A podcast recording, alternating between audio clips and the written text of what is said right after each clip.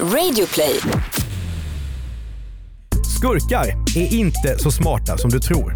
De överskattar sin intellektuella förmåga. De tänker inte på att deras telefoner kan spåras. Och inte heller tar de in risken att någon som de har hotat faktiskt kan tjalla för polisen. Det gör att verklighetens kriminalfall är helt annorlunda än Beck-filmer och Läckberg-deckare. Och det är just sådana fall som den här podden handlar om. Välkommen till Misslyckade brott. Jag heter Mattias Bergman. Och I det här avsnittet ska jag berätta historien om när några storspelare försökte tjäna en hacka på matchfixning, men allt slutade i fängelse. I Sverige har vi en tro på att allt som har med idrott att göra är sunt och bra. Sport är en inkörsport för att hålla sig hälsosam på alla sätt. Till och med Spola kröken, som det hette i den gamla kampanjen, som sen ersattes med en ny slogan. Nej tack, jag idrottar. Alltså, man tränar istället för att supa. Träna och återigen träna. Det är en av huvudreglerna när det gäller att åstadkomma någonting i tävlingsidrott. Vi vet flickorna i detta träningsläge för ett VM. Idrott står för det goda i samhället. Det sitter liksom i svenskarnas ryggmärg. Inte ens 50-talets husmödrar skulle slippa undan träningen.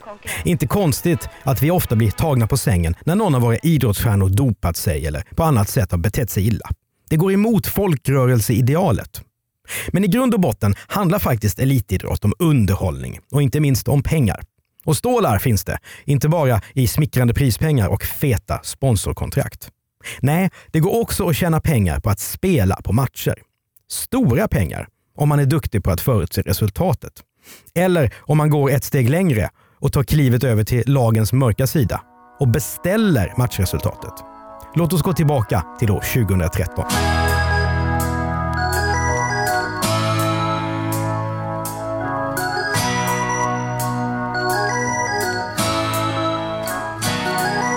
Walk of Life med Dire Straits. Typisk Radiosporten-musik, så det passar ju bra i det här avsnittet. Sportåret 2013 tar Sara Sjöström guld i sim-VM, hennes största prestation dittills. Henrik Stensson vinner FedEx Cup i golf. De svenska herrarna får stryk av Ryssland på hemmaplan i bandy-VM.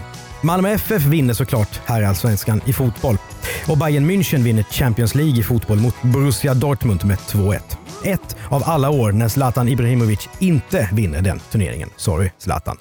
Men det som händer på en Champions League-plan är långt ifrån bolltjongandet i den svenska division 1 södra, som är den tredje högsta serien i svensk fotboll. Och Lukas, som spelar där, har dessutom ett dåligt år 2013. Under hösten ska han dras in i ett mutbrott. Lukas har spelat fotboll i Kristianstad FF i flera år. Klubben ligger vid den här tiden i division 1 södra.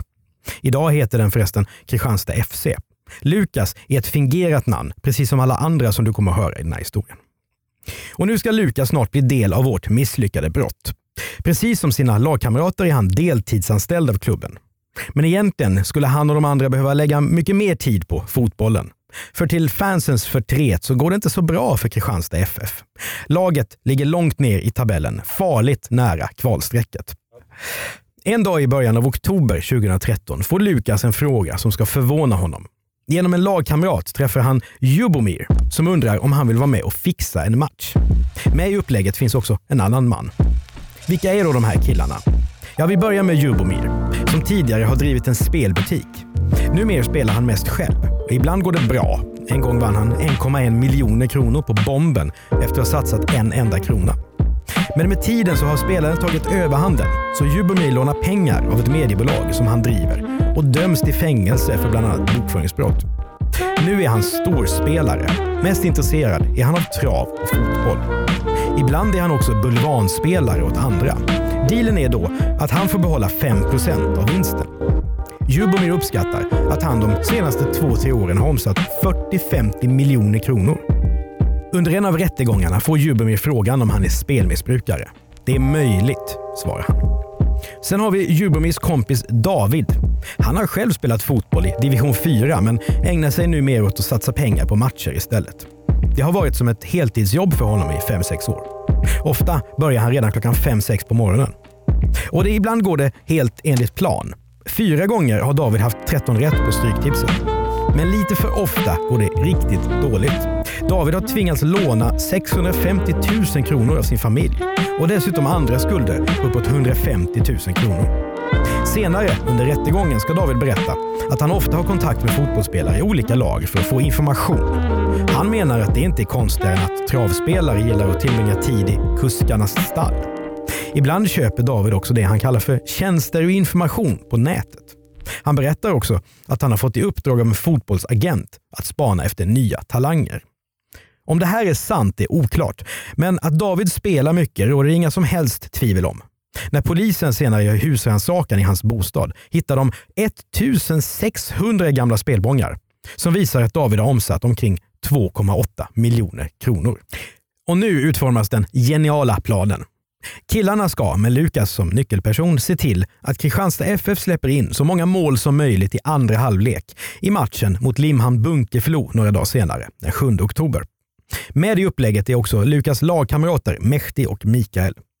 Jubomir och hans kompis ska sedan spela på matchen och därmed kunna tjäna lite enkla, snabba pengar. För det här besväret så ska de tre fotbollsspelarna få några tusen lappar. Ett poddtips från Podplay. I fallen jag aldrig glömmer djupdyker Hasse Aro i arbetet bakom några av Sveriges mest uppseendeväckande brottsutredningar går vi in med hemlig telefonavlyssning och, och då upplever vi att vi får en total förändring av hans beteende. Vad är det som händer nu? Vem är det som läcker? Och så säger han att jag är kriminell, jag har varit kriminell i hela mitt liv men att mörda ett barn, där går min gräns. Nya säsongen av Fallen jag aldrig glömmer på Podplay. Du, spelar det in nu överhuvudtaget? Ja, det hoppas jag. Ja då.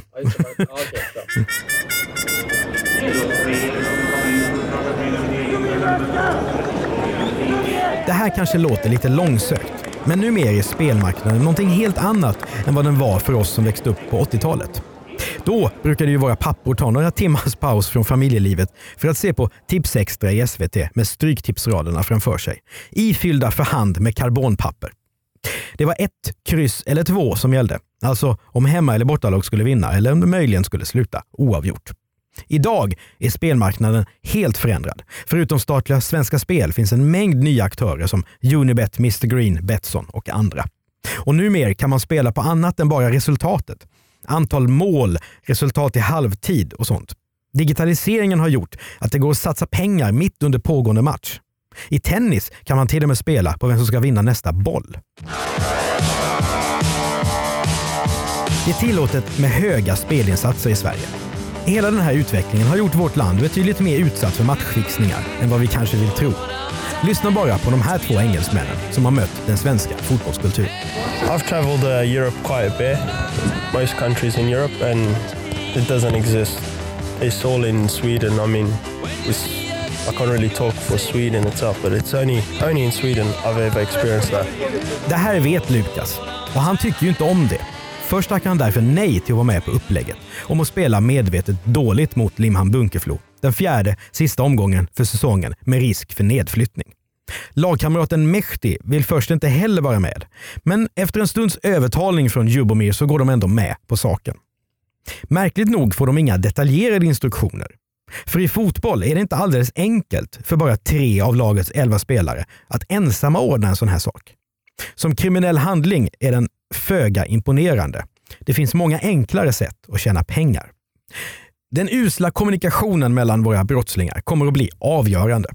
När 298 fotbollsälskare i publiken står på Limhamns IP grusplan och ser på den kanske inte gastkramande matchen mellan Kristianstad och Limhamn Bunkeflo måndagskvällen den 7 oktober 2013 så vinner nämligen Kristianstad med 3-1. Redan i 13 minuten sätter bortalaget 1-0 på straff. I andra halvlek gör Kristianstad först 2-0, får ett mål bakåt genom Bunkeflos Samuel Aziz i 65. Men i 74 minuten så sätter Kristianstad 3-1 målet och så slutar alltså matchen.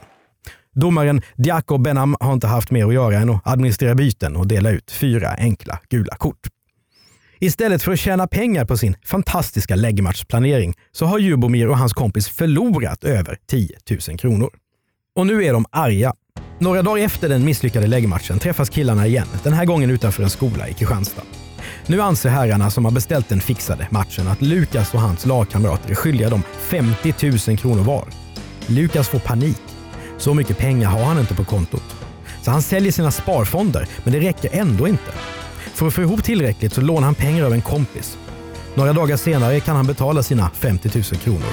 Överlämningen sker på ett café i Växjö. Det är så fruktansvärt tragiskt att han liksom... Jag tycker synd om honom. Division 1 södra. Han de spelar på deltid. Plötsligt ska han betala 50 000 för att han har varit för duktig. Men inte ens nu är Lukas skuldfri. Han och hans två lagkamrater tvingas nämligen ställa upp på en ny läggmatch. Och den här gången är stämningen betydligt mer hotfull. Lukas får bland annat höra om ni inte ställer upp så ska ni få se vad som händer. Dessutom sägs vi vet var ni bor och vi vet var ni jobbar. Den här gången gäller det hemmamatchen mot klassiska Halmstadlaget Halmia den 12 oktober. Lukas och de två lagkumpanerna får instruktioner om att vinna första halvlek, men att släppa in så många mål som möjligt i den andra. Lukas och en av lagkamraterna uppmanas också att dra på sig varsitt rött kort, för det kan man också spela på. När det så är dags för match så står det 1-1 i halvtid. Men den här gången så får matchfixarna faktiskt vad de har beställt. Matchen slutar 4-2 till Halmia. Dessutom lyckas Lukas lagkamrat dra på sig ett rött kort just i andra halvlek. Men han gör det på ett så konstigt sätt att det väcker misstankar. Helt omotiverat attackerar han en spelare i Halmia och trycker bland annat in ett finger i ögat på honom. Lukas lyckas inte lika bra. Han kämpar för att dra på sig ett rött kort genom att skälla på domaren, men lyckas bara få ett gult. Matchfixarna är ändå nöjda. Jubomir vinner ungefär 200 000 kronor på matchen och hans kompis ungefär 76 000 kronor. Nu andas Lukas ut. Kanske är han fri nu. Tiden går och allting verkar lugnt. Men riktigt så enkelt ska han inte komma undan. För redan nästa säsong, våren 2014, så är det dags igen.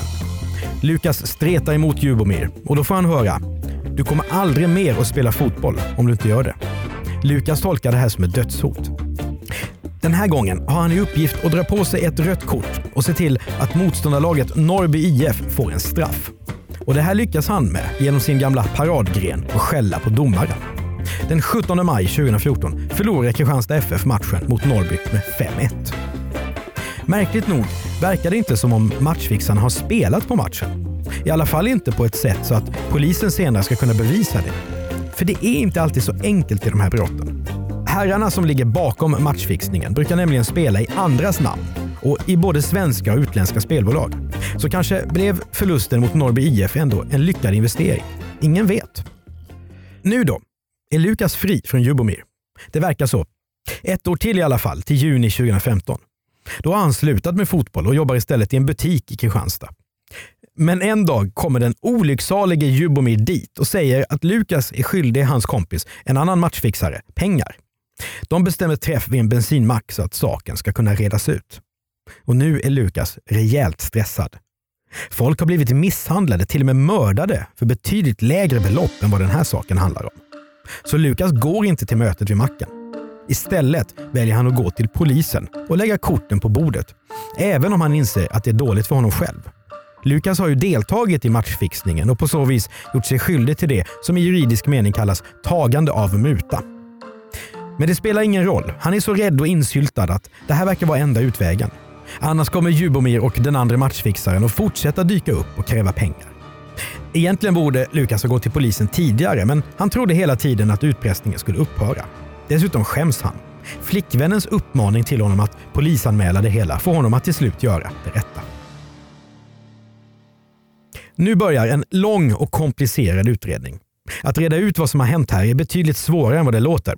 Folk ska förhöras och spelandet ska kartläggas och mobiltelefontrafiken analyseras. Men till slut väcks åtal i Kristianstad tingsrätt. Sex personer ställs till svars, varav Lukas är en. Han åtalas för grovt tagande av muta. Eftersom den här typen av mål är väldigt ovanliga så blir det en stor grej i medierna. Men rättegången slutar med ett fiasko för polis och åklagare. I oktober 2015 friar Kristianstad tingsrätt samtliga åtalade på alla punkter. Det anses inte gå att bevisa att det här verkligen har handlat om fixade matcher. Domstolen skjuter ner Lukas trovärdighet totalt. Rätten tycker att hans historia är motsägelsefull och tycks irriterad över att han till exempel vägrar berätta vilken kompis han har lånat pengar av för att kunna betala sin skuld på 50 000 kronor. Och om Lukas inte är tillförlitlig, då faller ju alltihop som ett korthus. Friande domar alltså. Men åklagarna ger inte upp. De överklagar till hovrätten över Skåne och Blekinge. Bevisningen är i stort sett densamma, även om åklagaren presenterar en del kompletteringar.